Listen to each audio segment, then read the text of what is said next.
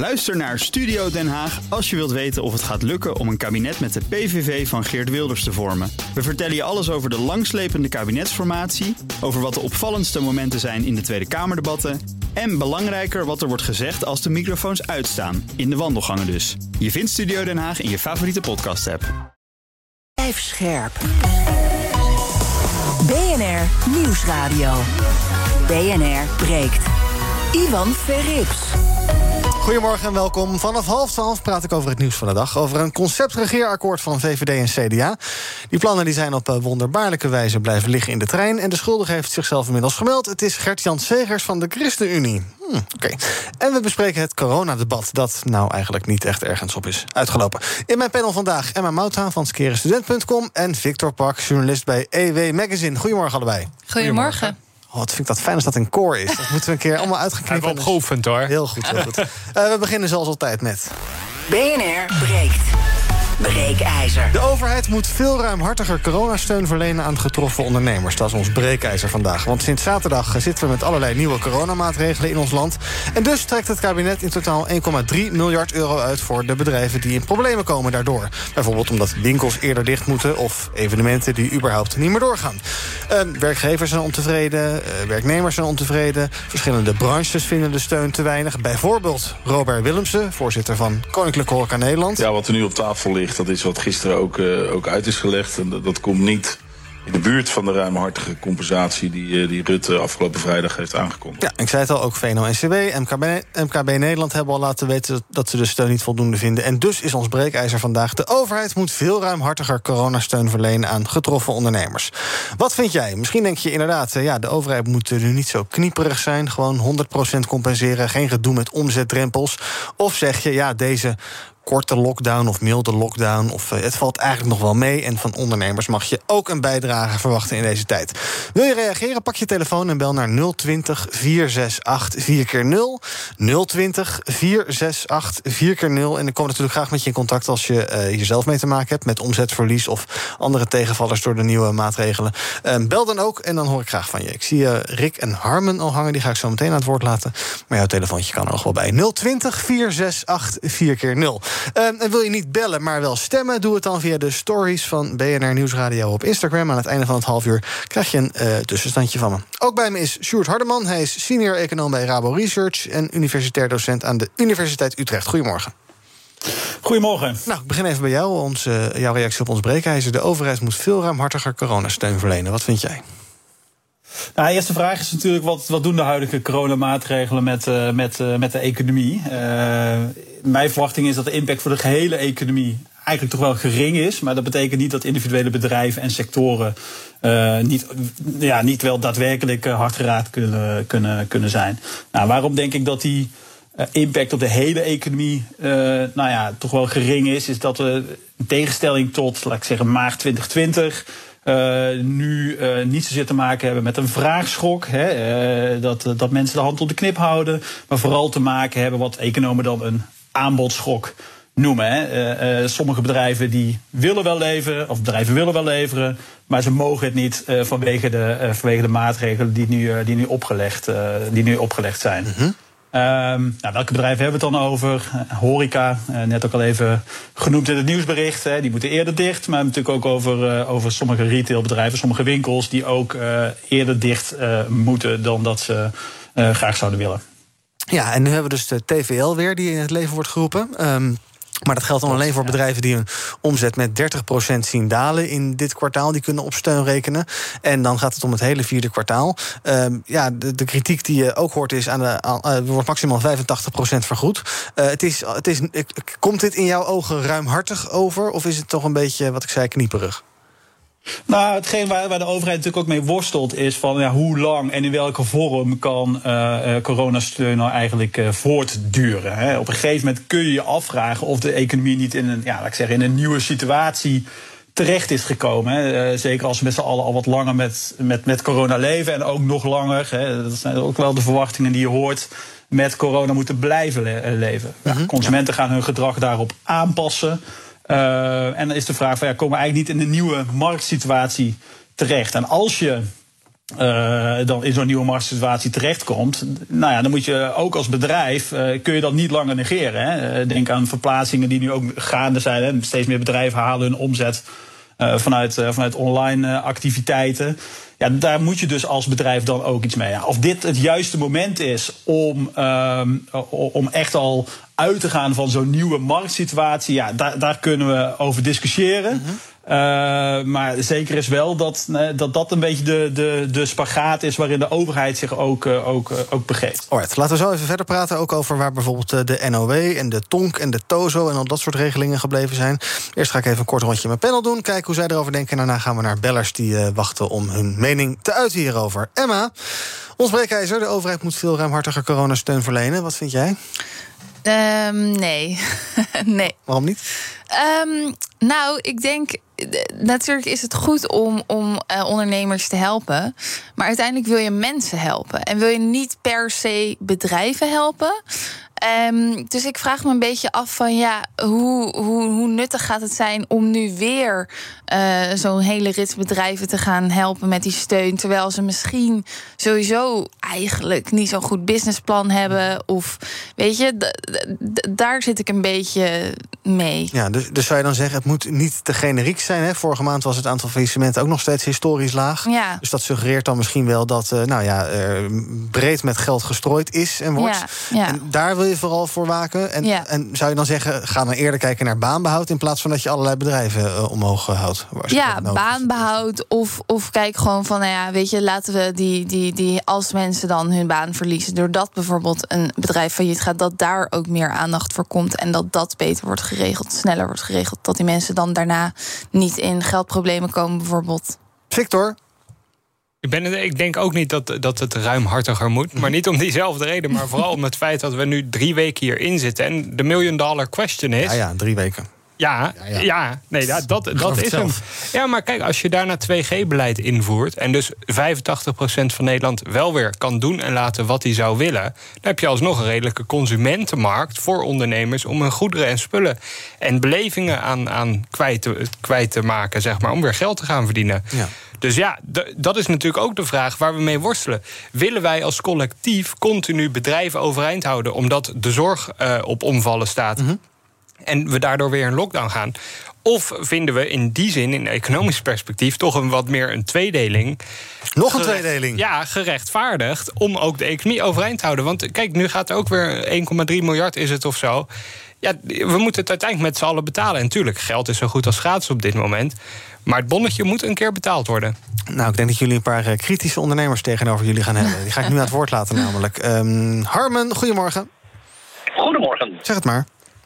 Uh, nou ja, ik ben het eens dat de geldkraan wel een klein beetje weer open mag. Want zoals er wordt gesuggereerd, het is nu voor drie weken, maar wie weet hoe lang het is. Kijk, uh, hè, aan het einde van de zomer werd tegen ons gezegd... jongens, gaan we weer plannen zoals het vroeger was met al jullie evenementen. Dat zijn wij gaan doen als de hele evenementensector. En dat hoor ik ook. We hebben mensen moeten aannemen. We hebben investeringen moeten doen. En van de een op de andere dag wordt gezegd... jongens, uh, zoals het is gebeurd dit weekend in de Ziggo Dome... we hebben een concert, 17.000 man, volledig uitverkocht volgende dag, nee, het gaat toch niet gebeuren. Ja, bij wie kan je die rekening neerleggen? Het is gewoon echt onvoorstelbaar hoe onbetrouwbaar onze overheid op dit moment is. Dus als je als overheid gewoon zo onbetrouwbaar bent en geen visie geeft van waar gaan we het komende half jaar, waar gaan we de komende jaren naartoe, wil ik best voor mijn bedrijf weer gaan veranderen van structuur en gaan veranderen qua verdienmodel. Maar ik, op een gegeven moment weten wij als evenementensector niet meer waar we op moeten sturen. Het is gewoon alsof je in een storm zit en je roer is eraf en je weet niet wat je aan het doen bent. Ja, en bent- da- daar moeten we mee gaan oppassen op dit moment. Want je bent dat dat is heel gevaarlijk. te vaak teleurgesteld. Eh, nou ja, ja, we moeten te vaak bijsturen. En kijk, het is ook leuk dat er wordt gezegd dat, dat zeg maar, de bedrijven niet moeten worden geholpen, maar de mensen. Maar uiteindelijk helpt mijn bedrijf mijn mensen. Ik betaal hun salarissen. Ik betaal al mijn freelancers. Ik probeer iedereen, echt, ik heb heel weinig geld privé eraan overgehouden. Elke euro die ik heb binnengekregen via subsidies of eh, via TVL eh, of wat dan ook. Is het bedrijf erin gegaan en is mijn mensen ingegaan om iedereen aan de bak te houden en om dat bedrijf te veranderen en om er gewoon sterker uit te komen. Je probeert sterk uit te komen, maar je wordt gewoon weer neergezabeld. En dat geldt voor iedereen in de horeca, in de evenementen, ook natuurlijk deels winkels. Ja, het is gewoon niet meer te doen op dit moment. Heel kort nog, waar heb jij de, eh, het meeste behoefte aan nu? Het meeste behoefte waar ik aan heb, is eigenlijk dat we een visie gaan hebben van onze overheid van jongens, corona is hier. Het gaat nooit meer weg, zoals dat men al een half jaar geleden heeft gezegd in Engeland. De Britse regering heeft dat gezegd. En dat houdt gewoon in, dit, dit wordt het plan voor het komende jaar. Dus we gaan gewoon evenementen tot 200 mensen doen. Klaar, dat is het. Want mijn agenda is tot en met januari weer helemaal leeg met alle grote openingen van gebouwen, grote congressen. Het is weg en het komt niet meer terug dit jaar. Duidelijk, dankjewel. Adrie, goedemorgen. Goedemorgen, Ardi. Hallo. maar. Uh, heel simpel, ondernemers die direct getroffen worden, die moeten volledig gecompenseerd worden. Uh, hebben ze een bedrijfsmodel wat niet goed is of waar ze niet aangepast worden, dan hoef je niet te ondersteunen. Dan haal je de rotte appels eruit, maar de mensen die direct getroffen worden, die ondersteun je wel volledig. Ja, en in welke categorie zit jij? Ik zit in de, in de categorie dat ik als ondernemer ben geschakeld en even tijdelijk in loondienst erbij ben gegaan, zodat uh, de kosten in elk geval betaald kunnen worden. Uh-huh. En dan zeggen van als we zo meteen wat kunnen doen, uh, dan gaan we weer volledig ondernemen. Ja, dus je hebt voor jezelf ook een soort uh, backup plan geregeld, maar je verwacht ook van de overheid wel iets daarin dus. Meer dan, meer dan nu. Ik heb dat zelf niet nodig, maar wel de sectoren zoals de horeca en dergelijke die getroffen worden, die moeten volledig gecompenseerd worden, want die hebben al genoeg zelf opgevangen. Duidelijk, dank voor het bellen. Richard, goedemorgen. Hoi, goedemorgen. Ja, als ik die twee vorige sprekers hoor, ik hoorde ook die emotie. Ik geef ze trouwens groot gelijk. En weet je wat uh, meneer Rutte daarin vergeet? Nou? Omzet.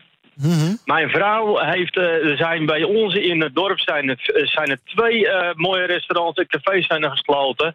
Het is zo verdommers makkelijk van Rutte om op een gebied te praten waar hij zelf helemaal bijna geen flikker van af weet. Ik zou je nog sterker vertellen, die KLM heb je zelf aandelen in. Ja, die moest natuurlijk kosten van kosten in de lucht worden gehaald. Leuke woordspelingen, ja. Maar ik zal je nog een ander voorbeeld geven. Mijn vrouw heeft toen... Jij heeft in, uh, in, een restaurant gewerkt dat op één avond een omzet van 5000 euro. Ja. En dan heb ik het over één restaurant in heel Nederland. Mhm. Maar ja, nogmaals, Rutte heeft verdomd makkelijk praten over mensen waar hij totaal niks van af heeft. Herstel, waar hij zelf waarschijnlijk geen belang mee heeft. Zo moet ik het zeggen. Duidelijk, dank voor het bellen. Uh, René, blijf even hangen, ik kom zo meteen bij je. Um, eerst even naar Sjoerd. Uh, ja, als je dit hoort, er zijn toch wel heel veel ondernemers die ja, nu gewoon weer in de problemen komen. Nou ja, zeker. En de eerste, eerste reactie liet het ook al blijken. Hè. Waar heeft het vooral ook mee te maken? Is de, onzekerheid die uh, deze pandemie. In eerste instantie was die onzekerheid enorm groot. Maar die blijft natuurlijk ook nog wel voortduren. Omdat eigenlijk, ja, het is een unieke situatie. Uh, niet veel mensen hebben eerder een pandemie mee, meegemaakt in Nederland. Uh, en dan is het voor, zowel voor de overheid als voor uh, bedrijven daar lastig op anticiperen. En als ik de eerste spreker hoor, uh, en daar voel ik ook wel in mee, dan, dan helpt het wel om daar meer perspectief in aan te brengen. Hè. We weten wat, wat er de komende tijd aankomt. als ik mag ingaan ook nog op een, op een ander punt van. Uh, we moeten de, rot, de, de, de, rotte appels eruit halen. Die moeten we inderdaad niet, uh, niet blijven steunen. De vraag daarbij is wel of de overheid uh, ja, in staat is om die selectie zeg maar, te maken. Hè, om zeg maar, de rotte van de, van, van, van, van de lekkere appels te, echt, echt, echt te onderscheiden. Uh, eerder is dat wel gelukt, blijkt uit ons eigen onderzoek. maar dat was denk ik meer een toevalstreffer dan dat dat bewust beleid was vanuit, vanuit de overheid. En de vraag is dan een beetje van ja, moet de overheid hier. Een grote rol in spelen? Of is het toch meer aan risicodragend kapitaal, zeg maar financiers in de markt. Om, uh, want dat is toch een beetje hun businessmodel, om die rotte appels van de goede appels te kunnen onderscheiden, uh, om het aan hen over te laten. Ja, we bespraken al eventjes uh, dat nou ja, de TVL komt dus terug, maar eigenlijk NOW niet voorlopig. FNV is daar ontevreden mee. Die zeggen ook ja, bijvoorbeeld flexwerkers die raken nu uren kwijt of soms hun hele baan kwijt, omdat winkels en horeca eerder dicht moeten. zij pleiten er ook voor dat de werktijdverkorting weer beschikbaar komt. is het goed om meer aandacht te hebben voor inderdaad mensen die ergens werken in plaats van het overeind houden van BV's? Nou, wat we in ieder geval bij de eerste uh, uh, in maart 2020 uh, zagen, was een echte behoud van banen inderdaad voorop. Hè. wat daar natuurlijk ook wel bij speelde, was van hey, ja, je wil bedrijven niet zomaar laten omvallen. Want een bedrijf weer opnieuw opstarten, ja, daar gaan een hele hoop kosten mee, mee, mee, mee gemoeid. Je hebt niet opeens een nieuwe ASML, je hebt niet opeens een nieuwe Philips, zeg maar, in Nederland. Uh, de vraag is nu wel inderdaad even van, goh, uh, kunnen we het beste uh, dan die bedrijven blijven, blijven steunen? Of gaat het inderdaad echt om de mensen om, om te zorgen dat zij niet, nou ja, een, een groot inkomensverlies hebben? Ja, Victor, jij, een van de bellers, die zei net van, ja, die overheid die is zo wispelturig, je, kan, je kan er niet van op aan. Dus dan is het enige wat je kan doen, is alles vergoeden. En daar pleit jij niet voor. Maar wat vind je ervan als iemand dat zegt? Nee, dat begrijp ik heel goed. Maar het voelt ook cru als je bijvoorbeeld naar de horeca kijkt... waar de Koninklijke Horeca Nederland er alles aan heeft gedaan... om het beleid van de overheid actief te ondermijnen. Ja, en, en dan nu vragen om compensatie... Dat, dat, is, dat vergt wel lef, denk ik. Maar voor de ondernemers is, snap ik het. Maar het is een, een lastige balans. En dan kan ik goed begrijpen dat de overheid ervoor kiest... dat je een deel nu doet, maar de rest even, even afwacht... hoe die drie weken gaat zijn. Ja, Ehm, ehm, eh, ook als we kijken Emma, naar bijvoorbeeld die nachthoreca... die zijn eigenlijk al sinds het begin van corona, van het corona dicht... en ook eh, eh, clubs en dergelijke. Ja, het is misschien een beetje hard... maar moet je als overheid zijn en misschien die bedrijven... een keer uit hun, eh, uit hun lijden gaan verlossen of uit hun onzekerheid? Want je kan toch moeilijk zeggen... ja, jullie zijn al anderhalf jaar dicht en het gaat misschien nog een tijdje duren... en ja, eh, dan maar bedrijven gaan eh, overnemen of uitkopen of iets dergelijks. Dit is toch geen houdbaar model zo?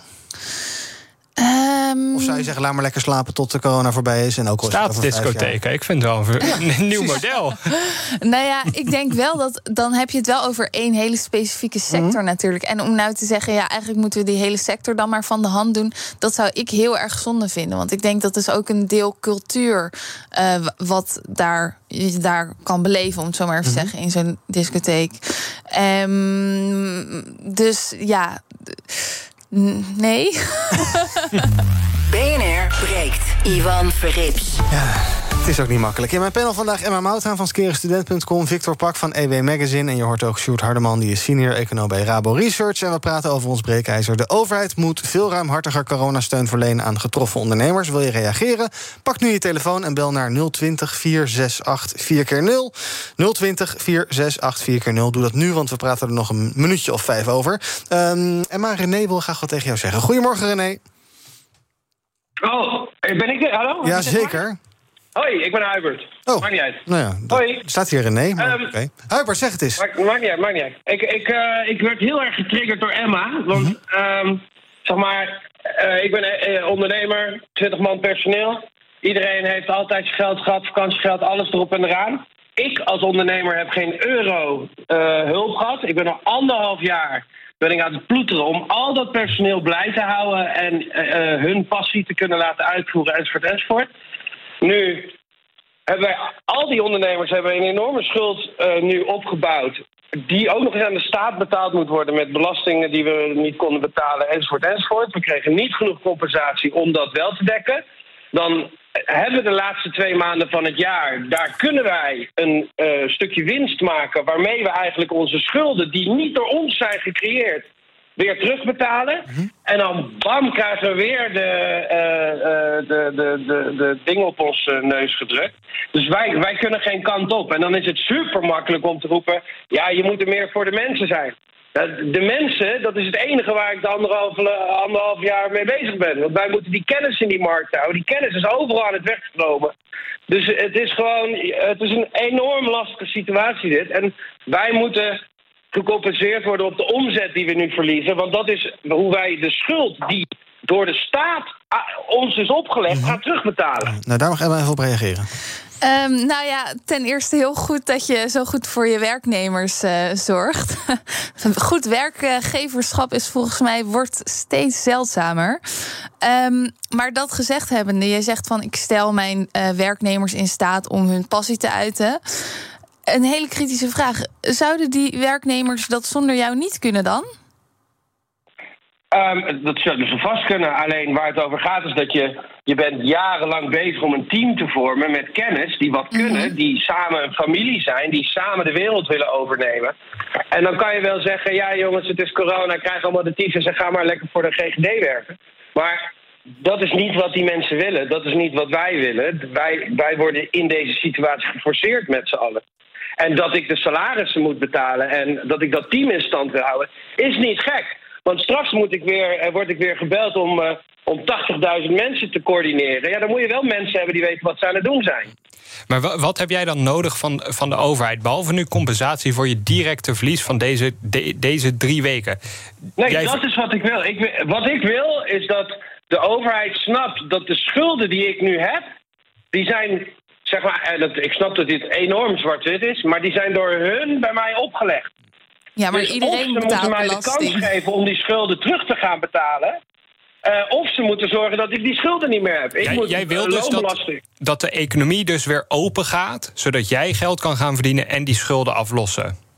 Ik, ik, wil, ik wil gewoon eh, mijn bedrijf weer kunnen eh, starten zonder dat ik een strop van zoveel honderden duizenden euro's heb van de overheid die zij mij hebben opgelegd. Waar je nog heel lang aan vast zit. Dus oké, dank voor het bellen. René, het zal misschien ook een beetje schelen of je in een eh, kapitaalintensief... Of ja, Hubert, sorry. Dat je in een kapitaalintensieve of een arbeidsintensieve industrie werkt. Ehm, maar goed, eh, tot slot van dit half uur. Nico, goedemorgen. Hallo, zeg het maar.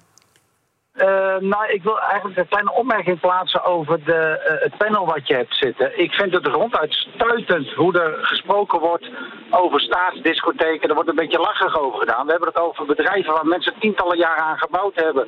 Hun eh, ziel en zaligheid ingestoken hebben, spaargeld, alles. En dan wordt er gewoon bij jullie in de studio gezegd van ja, joh, weet je, het gaat maar om drie weken en we hoeven geen steun te verlenen. Ik vind dat iedereen waar de deur op dit moment op slot gedraaid wordt door de overheid volledig gecompenseerd moet worden. Al is het voor drie weken, al is het voor drie maanden. Niemand kiest ervoor. En het is, dit is geen ondernemersrisico.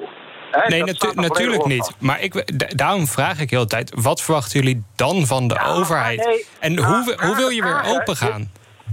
Je, je, je spreekt over staatsdiscotheken met een dédain. Ik vind dat... Het, het Nee, helemaal niet. Nieuwsradio, maar dat, dat, dat kan toch niet? Er zit helemaal geen dédain in. Het ging over het overnemen wat Iwan voorstelde. En ik vind juist dat ondernemers moeten kunnen ondernemen zoals ze dat willen. En waar ze voor knokken. En een ontzettend zwaar anderhalf jaar voor hebben. Maar ik ben nu benieuwd hoe we verder moeten gaan. Want we zitten met ziekenhuizen die het ook niet meer aankunnen. En hoe, en daar ben ik zo benieuwd naar wat u daarvan vindt. Hoe kunnen we dat nou voor elkaar krijgen? Dat de economie open blijft, maar ook de ziekenhuizen niet op omvallen staan. We zijn een samenleving met z'n allen. met z'n allen volledig mee eens. Alleen er zijn meer, meerdere malen zijn er eh, vanuit eh, het bedrijfsleven ook oplossingen aangedragen hè, naar de regering. Met een, een tijdelijk ziekenhuis. Ik geloof met eh, van de boertenten en weet ik veel, Philips en. Uh, had een klaar plan, hè? Voor, zo uit te voeren. Wordt niks mee gedaan. Wordt gewoon drie, keer, drie, vier keer van tafel geveegd. Dan wordt er wel geld vrijgemaakt om te controleren op een QR-code. En we sluiten wederom de bedrijven waarvan men denkt dat, dat daar de, meeste besmettingen plaatsvinden. Maar dat is toch, dat is toch niet het, het, het, werken naar een oplossing. Een oplossing is toch ook het opschalen van de zorg, ziekenhuis bij de IC-capaciteit. Daar hebben we al anderhalf jaar de tijd voor gehad. Is compleet niks mee gedaan. Nico, dank voor het bellen. En het eh, staatsdiscotheken was, eh, was een grapje, omdat ik zei van... nou ja, goed, die nachthoreca, die is al eh, anderhalf... nou, wat zeg ik, een jaar en acht maanden dicht, negen maanden. Wat moet je daar in vredesnaam mee? Want je zal inderdaad maar zo'n ondernemer zijn. Dus daar kwam die opmerking vandaan, als grapje zijnde. Tot slot, Sjoerd, eh, VNO-NCW en MKB Nederland zien heel graag de NOW terugkeren. Er zijn heel veel mensen die denken... ja, god, die drie weken soort mini-milde lockdown light... dat gaat never nooit drie weken duren, daar zitten we veel langer aan vast. Vanaf wanneer is dat, denk jij, eh, eh, goed om te doen? Ehm, nou ja, de vraag is vooral, gaat het inderdaad langer duren dan, eh, dan, dan drie weken? En in alle eerlijkheid heb ik daar weinig kaas van gegeten om daar... eh, eh, om daar definitieve uitspraken over, over te doen. Ja, dat snap dus ik. Maar vanaf wanneer zou die NOW weer zinnig zijn om terug te laten keren? Ehm, nou, wat ik, wat, ik, wat ik zeg, durf ik eigenlijk niet, eh, eigenlijk niet te zeggen. Dus naar bevind van zaken. Dankjewel, Sjoerd Hardeman, senior econoom bij Rabobank. Rabo Research, hij is ook universitair docent aan de Universiteit Utrecht. En eh, opvallende tweedeling, oh weer een tweedeling... tussen zo'n studiogasten en de bellers. Nee, helemaal niet. Het is echt een misverstand dat ze zeggen dat het dédain is. Ik heb ontzettend veel respect en ook ontzag dat je al anderhalf jaar in deze ellende zit. Juist met je eigen bedrijf, met schulden die je boven het hoofd groeien.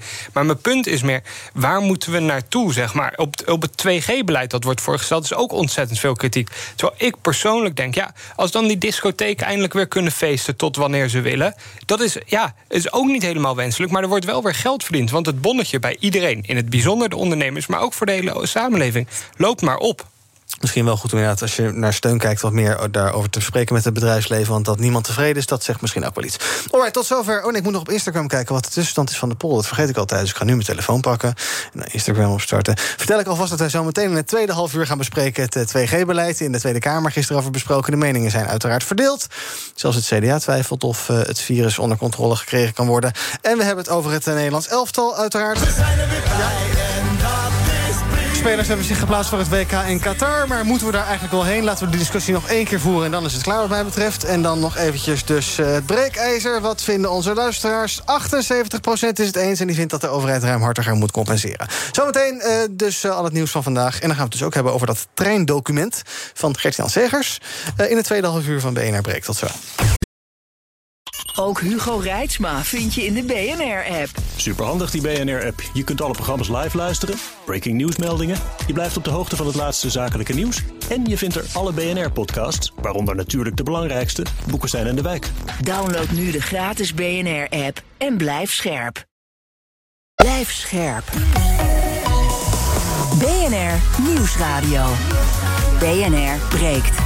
Ivan Verrips. Goedemorgen en welkom terug bij BNR Breekt. Vandaag in mijn panel Emma Mouthaan van skerenstudent.com... en Victor Pak uh, van EW Magazine. Daar is hij uh, journalist en druk bezig met het kerstnummer. Is het al klaar, denk ik, of niet? Kerstnummer? Nee, nog heel druk oh, bezig. Heel druk bezig. Zo meteen weer verder. Goed zo. Um, we gaan het hebben over het nieuws van de dag. En uh, dat komt toch wel van de Volkskrant... maar eigenlijk van Gert-Jan Segers... via een lezer van de Volkskrant. Want die krant heeft een geheim stuk in handen. Het is inmiddels niet meer geheim. Maar daaruit blijkt dat de VVD en het CDA... eind september al samen een proeven van een regeerakkoord hebben geschreven. Dat stuk werd door een lezer gevonden in een trein, volgens de Volkskrant. En heel lang was de vraag, ja, wie, is, uh, wie heeft dat dan kwijtgeraakt? Wie die lezer is, weten we überhaupt niet. Wie het stuk heeft laten liggen, weten we inmiddels wel. Dan denk je, dat is vast een of andere uber onhandige onderknuppel van een of ander ministerie of zo... die een enorme tombo is. Wat blijkt? Het blijkt um, Gert-Jan Segers te zijn. U kunt hem misschien wel kennen van de ChristenUnie. Soms moeten we een meloen doorslikken. Ja, nou, die heeft een flinke meloen moeten doorslikken vanochtend... en heeft daar ook op Twitter zijn uh, excuus voor aangeboden. Um, hij schrijft, uh, ik ben een mens en heb iets heel doms gedaan. Sorry, punt, punt. Um, het is wel een beetje... Het is een, we, we, zitten er allemaal een beetje om te lachen. Uh, we hebben natuurlijk eerst Ollongren Gate gehad. Die deed nog, die, die, je kan achteraf zeggen, die deed nog moeite door het in een mapje te houden. Maar hij legt het gewoon in de trein Zo van, kijk maar, neem maar mee. Wat is hier gebeurd? Iemand, help me. Ja, ik wil heel graag een interview met de lezer van de Volkskrant... die het heeft gevonden. Die wil toch weten hoe dat gaat. Lacht in de eerste klas, in de tweede nee, klas. Ja, hij is voor eerste klas, denk ik. Ja, dat denk ik. Oh ja, dat is waar. Nou, lacht op tafel tussen een stoel. Zat het in een tas? Ja. Is hij daar doorheen gaan snuffelen? Ja, ja, ben toch best benieuwd. Ja, nou ja, ja wat denk je zelf? Even smeuig. Gewoon, uh, want hoe kan dit? Hè? Je zou denken, goh, je bent bezig met de formatie. Je, weet je dat leest dat toch geconcentreerd? Het is een belangrijk document, denk ik. Het geeft een richting van wat, waar VVD en CDA in zouden kunnen bewegen tijdens de formatie. En dan ja, als jij Segers bent, dan lees je het toch aandachtig. Dan ga je, leg toch niet op een tafel. Ja, en je weet, de formatie is een gevoelig proces. Zeker met wat ja. er gebeurt mevrouw Ollongren en het omzicht daarna, enzovoorts, enzovoorts. En dan als je uit de trein stapt, dan kan ik me voorstellen, dan ben je op je bestemming, dan kijk je om je heen, dan denk je toch even, goh, heb ik alles in mijn tas gestopt? Ja, ik heb alles. Nou, en dan ga je pas. Ja, misschien is hij dus toch de tas vergeten dat dat het is. Ik wil inderdaad uh, uitgebreide interviews hierover met uh, Gert-Jan Segers horen. Uh, dus de eerste reacties zijn natuurlijk ook binnen. Ehm, Johan Remkes zegt het is een stuk uit de vorige fase. Het is totaal niet meer relevant. Rutte noemt het ontzettend lullig. Maar ja, kan gebeuren. Maar het heeft geen invloed op het uiteindelijke akkoord. En Wilders die wil, zoals altijd, een debat en duiding van informateurs. Um, en maar zijn dit nou mensen die dit stuk aan het downplayen zijn? Of is het, denk jij, als je het zo leest, dat stuk in de Volkskrant... dat je denkt van nou, het is inderdaad een oude koek... en we zijn inmiddels een stap verder? En, uh, of wordt hier nou gered wat er nog te redden valt? Um, nou, ik denk eigenlijk dat het vooral voor uh, de VVD en misschien ook wel een beetje voor de CDA niet zo chill is dat dit is uitgekomen. Want ik vond eigenlijk dat er best wel veel dingen in stonden waarvan ik dacht van, oh, uh, dit stond volgens mij niet in hun plannen, zeg maar, uh, toen de verkiezingen kwamen. En dat ze dus nu aangeven dat ze dat toch wel bepaalde dingen willen gaan doen of bepaalde dingen afschaffen. Uh, is misschien nog niet helemaal goed gecombineerd naar hun achterban. Dus ja. ik denk dat daar misschien een beetje. En dat daar nog wel eens onrust kan gaan ontstaan. Ja. Holy shit, wat is er eigenlijk gaande geweest ja. de afgelopen tijd? Of Segers, die doet nu de, de woordvoering voor VVD en CDA. Van, oh goh, dit wilden ze allemaal. Dat, dat dan de, het uiteindelijke regeerakkoord. Want we hebben geen idee wat dit uiteindelijk waard is. Ik snap nee. dat ze het allemaal downplayen, maar we weten het gewoon niet. Nee. Ja, stel dat valt mee, dan kunnen Rutte en Hoekstra opgelucht ademhalen. Nou ja, we, weten, we gaan zo eventjes wat inhoudelijke puntjes doorlopen. Maar we weten dus dat het stuk dateert van 26 september. Toen uh, zat de formatie nog uh, muurvast. Toen kwam een uh, minderheidskabinet van VVD, D66 en CDA... of een soort combinatie daarvan, of twee van de drie. Nou ja, dat werd onderzocht. Dus voordat de ChristenUnie überhaupt in beeld kwam. Dus ja, hij heeft dan dit document gekregen. Um, ja, wat moet hij daar dan mee op zo'n moment? Je, je laat het Segers natuurlijk niet lezen als dit helemaal niks voorstelt. Remkes doet wel alsof dat zo is, maar waarom zou je het dan laten lezen? Dan heeft die man alleen maar extra huiswerk. Dat lijkt me onzin. Dus het geeft toch een zekere richting die VVD en CDA zouden willen opgaan. Natuurlijk met het oog om D66 binnen te hengelen. Maar ja, ChristenUnie valt eigenlijk altijd heel goed als je D66 en, en uh, het CDA samen mixt, dan komt er een soort ChristenUnie uit. Dus ja. ja, oh ja oké. Interessant. Um, uh, en we hadden eerder natuurlijk die opzet tot een aanzet van een concept van een dingesdangers. Dat is weer een ander document.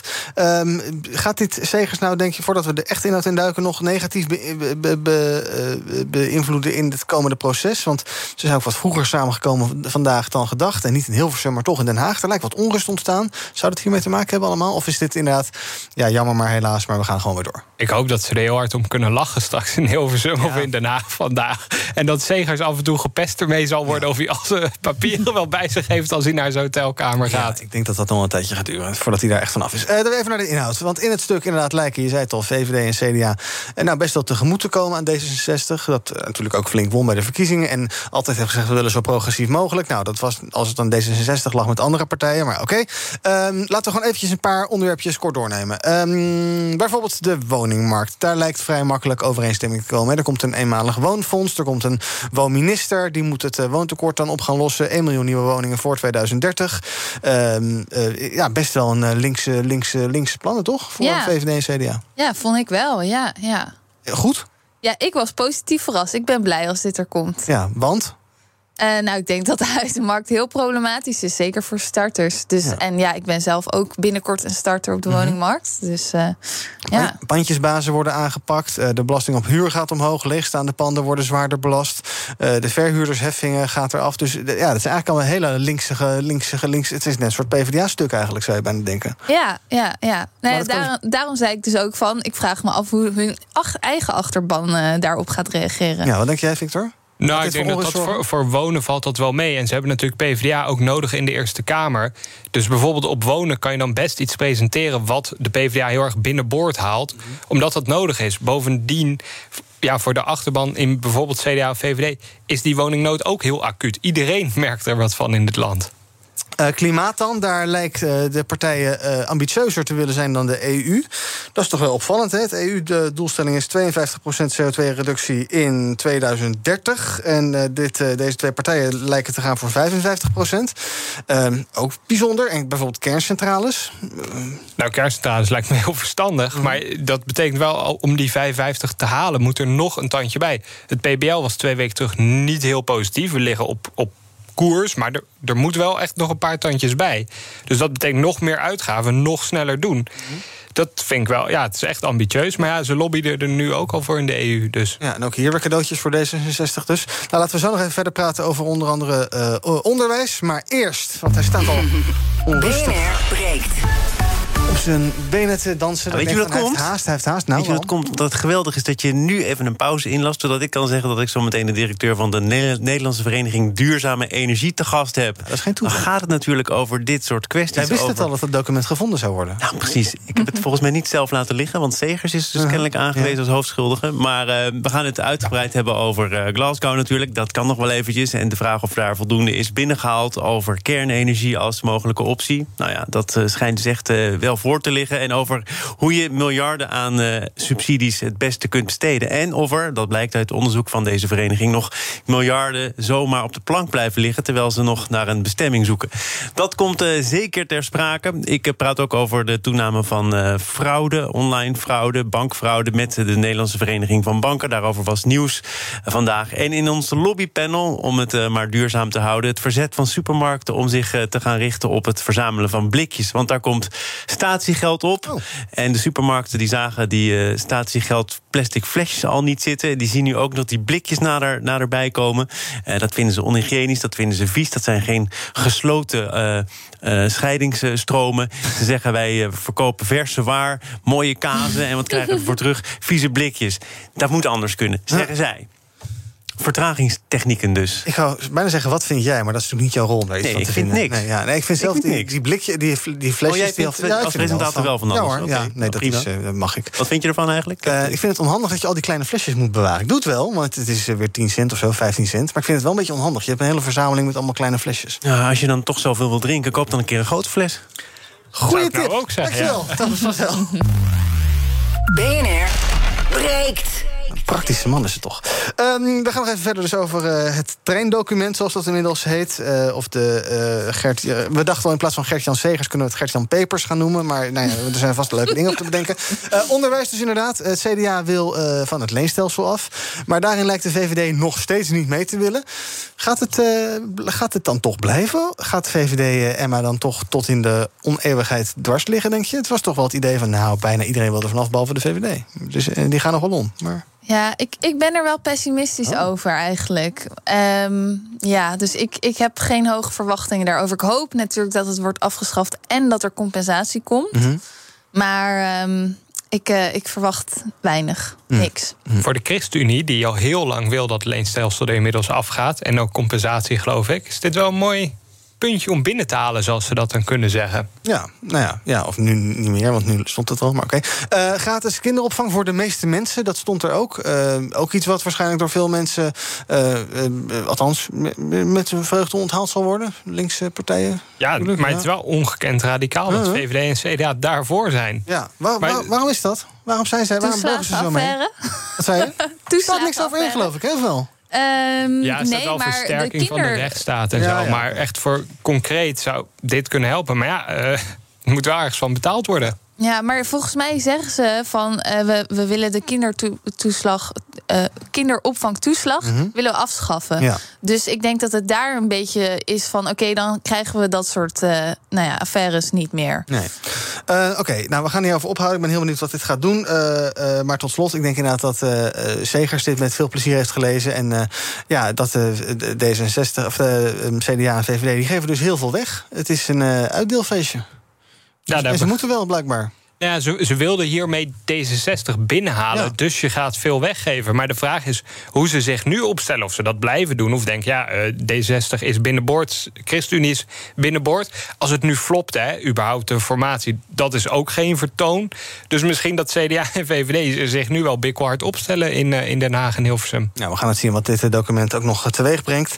En ik ben heel benieuwd naar de reacties en het interview met Gert-Jan Segers over wat hier... En de lezer die het vond. Vredesnaam. Ja, die lezer die moet zich even Hij heeft geloof ik gehoopt dat een schoonmaker het zou weggooien. Maar iemand anders heeft het dus bij de Volkskrant gebracht. Ehm, we gaan nog even eh, praten over het 2G. Gisteravond heeft eh, de Tweede Kamer tot een uur of twee gesproken over eh, ja, de, situatie rondom het coronavirus, zoals het dan zo mooi heet. Maar het ging een beetje over 2G-beleid, maar eigenlijk ook weer niet echt, want er is nog geen wet. Beetje ingewikkeld. De meeste partijen die zeggen niet volmondig ja tegen 2G, maar die sluiten het ook niet uit. VVD en D66 zijn sowieso voor, maar er zijn ook twijfelaars. CDA, ChristenUnie, PvdA en Volt. Het blijft dus spannend. Nou, eh, we kunnen het eigenlijk elke dag wel bespreken, maar Emma, eh, 2G op plekken waar anders misschien de deur dicht moet, is dat een goed idee, denk jij? Ik vind het he- een hele lastige kwestie. Ehm, ik denk dat het voor heel veel tweedeling gaat zorgen in de samenleving. Dat zien we natuurlijk al. Ehm, en ik denk gewoon persoonlijk dat het niet goed is om mensen te dwingen. Want dat vind ik wel dat je een beetje doet door zo'n regeling in te voeren om zich te laten vaccineren. Tegelijkertijd snap ik het ook van het kan ook niet verder op deze manier. Dus ja.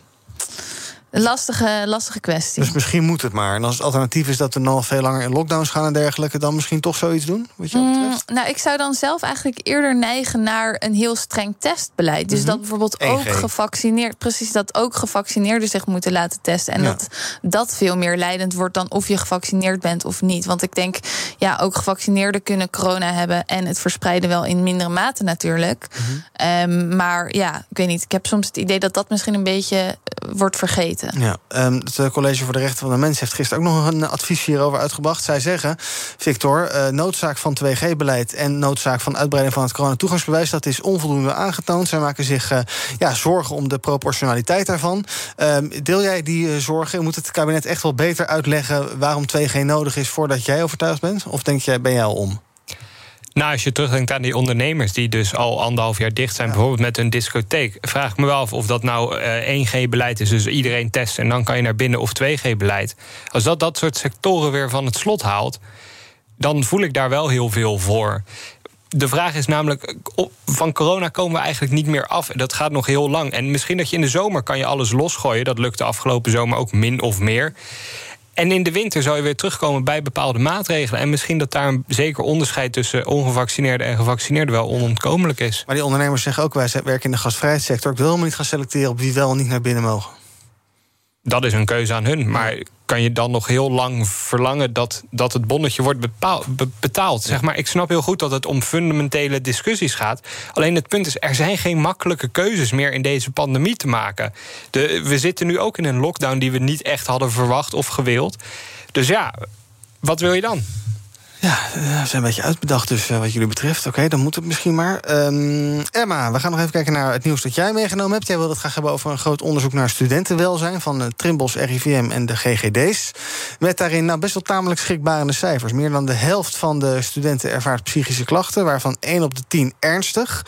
Ehm, we wisten natuurlijk al dat studenten nou ja, eh, de rekening hiervoor betalen mentaal... omdat ze allerlei in kleine huisjes opgesloten zitten... daar opleidingen moeten eh, volgen en dergelijke. Eh, ben jij hier toch, is dit toch erger dan je eigenlijk had gedacht? Ja, ja, vond ik wel. Ik, eh, ik verbaasde me er echt over. En ik, ik herken het ook wel. Want ik heb zelf studeer ik natuurlijk ook en zie ik dit ook in mijn omgeving. Ehm, maar ja, als je dan het in zo'n. Je denkt dan nog van oké, ja, maar dat is mijn omgeving. Weet je, misschien is het in de rest van de studentenpopulatie minder. Of weet ik veel, gaan ze er beter mee om. Maar ja, dan zie je zo'n zo'n onderzoek voorbij komen. En dan word je wel weer even met je neus op de feiten gedrukt. dat het echt niet goed gaat met die studenten eigenlijk. Ja. En ja, weet je, dat is wel de toekomst, die studenten. Ja, ik geloof dat hetzelfde onderzoek ook uittoonde dat bijvoorbeeld best veel eh, jongeren nadenken over eh, eh, zelfmoord, bijvoorbeeld.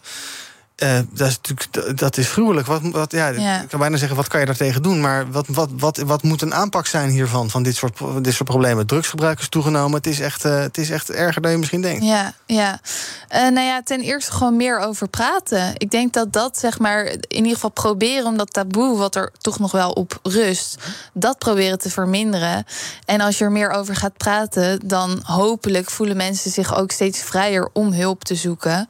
En eh, ja, kan het op die manier eh, ja, beter worden verholpen. Ja. En eh, tot die tijd, als er nieuwe maatregelen nodig zijn, studenten en jongeren zoveel mogelijk ontzien dus dan? Inderdaad goed om scholen zoveel mogelijk open te houden, universiteiten? Ja, denk ik wel, ja. Alright. We gaan even kijken wat de trending is op de socials. Hashtag coronadebat onder andere. De trending na het debat van gisteren, dat eh, tot eh, diep in de nacht duurde. Hashtag Oostenrijk is trending. Daar wordt gesproken over, jawel, een avondklok... nadat ze eerder al eh, ongevaccineerden hebben opgesloten. Hashtag overlegcomité is trending. Dat is het overleg van regeringen in België over de coronamaatregelen. Vandaag komt er een advies over mogelijk nieuwe maatregelen. En hashtag netno is natuurlijk trending. Dat is Nederland-Noorwegen. Gewonnen met 2-0. En daardoor gaan we naar het WK. En dat werd goed gevierd door de spelers en de bondscoach Louis van Gaal in rolstoel.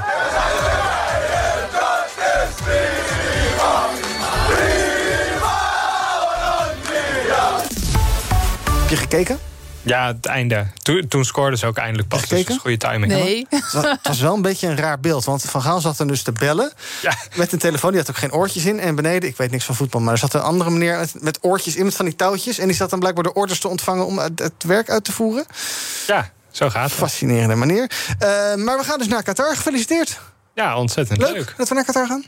Nou, niet met Qatar. Maar ja, eh, dat Ah ja, eenmaal is het nou besloten. dus ja, boycott gaan we ook niet. Zo principieel zijn we ook niet. En ja, Jij wel? Of zeg jij ook, ben je ook... Ja, uiteindelijk kijk je toch wel weer eh, bij ieder sportevenement. We gaan de Olympische Spelen in Beijing houden. Nou ja, dat, daar kunnen we ook wel wat over vertellen. Maar ja, zo wordt het aangewezen. En er is een soort reden dat je kan zeggen... nou, misschien dat het die mensen meer richting de westerse invloedssfeer trekt. Dat, dat dat helpt. Maar ja, het is toch een beetje gruwelijk... hoe bijvoorbeeld de sta- stadions daar in Qatar zijn gebouwd. Ja. ja, het is eigenlijk niet te verantwoorden. Met allerlei doden tot gevolgen. Maar dan had je misschien wel eerder de stekker eruit Ja, moeten tuurlijk. Je had daar nooit naartoe moeten gaan. Maar ja, Emma, eh, leuk naar Qatar, zin in? WK? Eh, nou ja, ik ga er sowieso niet naartoe. eh. ik zou er nooit naartoe gaan. De- ook vanwege de mensenrechten schendingen die daar plaatsvinden. Ja. Ja. Maar is het ook een reden voor jou om als je überhaupt... Ik weet niet of je WK's kijkt. of, Ik ben echt zo'n eh, laffe voetbalkijker... die alleen een beetje met WK's kijkt... en dan al die spelers het is wel een leuke sfeer dan, toch? In Qatar? Nee, WK? Nee, ja, in zeker in Nederland, Nederland. ja. juist in Nederland. Maar misschien niet als je naar het WK in Qatar kijkt... dat je denkt van ja, leuk wat er allemaal onder ligt, maar... eh, nee. Dat we dat dan altijd wel weer vergeten. Zo gaat het meestal. Mm. Ja. Ga je kijken? Dit is, eh, WK? ja, misschien als het zo uitkomt. Maar Er zijn weer studentenfeestjes. Dat is toch Ja. de hoop? En dat duurt nog even, eind volgend jaar geloof ik pas. Ja. Nou, dan kan eh, Louis van Gaal ook herstellen en eh, zijn rolstoel achter zich laten. Want het zag er toch wel een beetje raar uit. Een soort eh, Bernie Sanders vergelijking zag ik al voorbij komen. Het was, eh, nou ja, oké. Dank jullie wel voor jullie aanwezigheid vandaag bij BNR Breekt. Emma Mouthaan van skerenstudent.com en Victor Pak van EW Magazine. Morgen is het donderdag, dan ben ik er weer. Tot die tijd kun je ons volgen via de socials. Eh, Twitter, Instagram, eh, nou ja, je weet wel waar we te vinden zijn. Hè? Eh, tot morgen. Ook Bas van Werven vind je in de BNR-app. Ja, je kunt live naar mij en Iwan luisteren tijdens de ochtendspits. Je krijgt een melding van Breaking News. En niet alleen onze podcast Ochtendnieuws, maar alle BNR-podcasts vind je in de app. Download nu de gratis BNR-app en blijf scherp.